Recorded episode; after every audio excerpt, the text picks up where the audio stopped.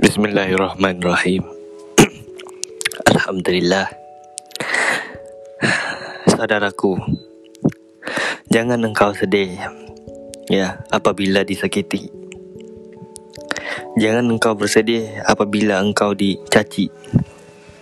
Dan janganlah engkau sedih apabila engkau di dinasihati. Ambillah nasihat itu dengan baik. Wahai saudaraku yang Muslim, dalam Al-Quran, Allah telah mengatakan bahawa La tahzan, inna Allah ma'ana. Jangan takut, wahai Nabi Musa. Allah sentiasa bersamamu. Kenapa saya ambil ayat ini? Karena ayat ini sangat penting di dalam kehidupan saya maupun dalam kehidupan kita semua. Jika kalian bersedih, solatlah. Jika kalian merasa kalian merasa galau, bacalah Al-Quran. Saudaraku yang dihormati sekalian, saya sebagai saudara Muslim yang taat, saya bukan setaat mana, saudaraku. Ya, saya sebagai saudara Muslim patut menasihati kalian apa pun yang terjadi, saya tetap akan memaafkan apa yang kalian perbuat kepada saya. Jadi, saya telah berfikir bahawa jangan bersedihlah wahai saudaraku.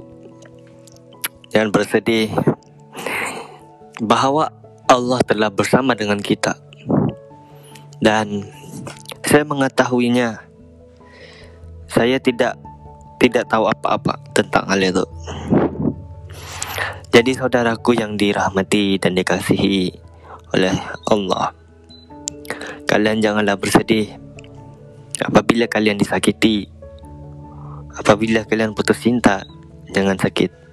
Karena Mengapa kalian itu putus cinta Ataupun tidak pacaran? Supaya kalian diselamatkan oleh Allah subhanahu wa ta'ala Dari zina. Jadi saudaraku dalam puisi kali ini, saya telah mengatakan bahawa Allah telah Allah bersama kita di setiap jejak langkah kita. Meskipun kita bermaksiat kepada Allah, tetap meskipun bermaksiat kepada Allah, Allah tetap mengabulkan doa kita. Allah tetap bersama kita.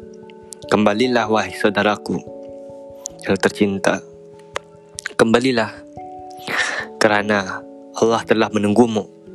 Bertaubatlah saudaraku kerana Allah menunggumu. Meskipun berat untuk kembali kepadanya, tapi cobalah untuk kembali. Karena saya percaya dengan izin Allah, kita semua percaya dengan izin Allah semua subhanahu wa ta'ala. Taubat kalian akan diterima saya pun seorang pendosa. Ya, dosa saya pun tidak terkira. Apa yang saya perbuat melawan takdir dan banyak lagi dosa yang saya perbuat. Tapi saya berusaha untuk bertobat kepada Allah untuk meminta kepadanya. Baik saudaraku, kalian harus paham bahawa Allah selalu bersama kalian. Allah selalu bersama kita.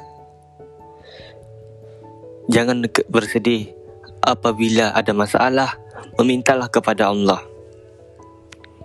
Sekian podcast dari saya dan puisi dari saya.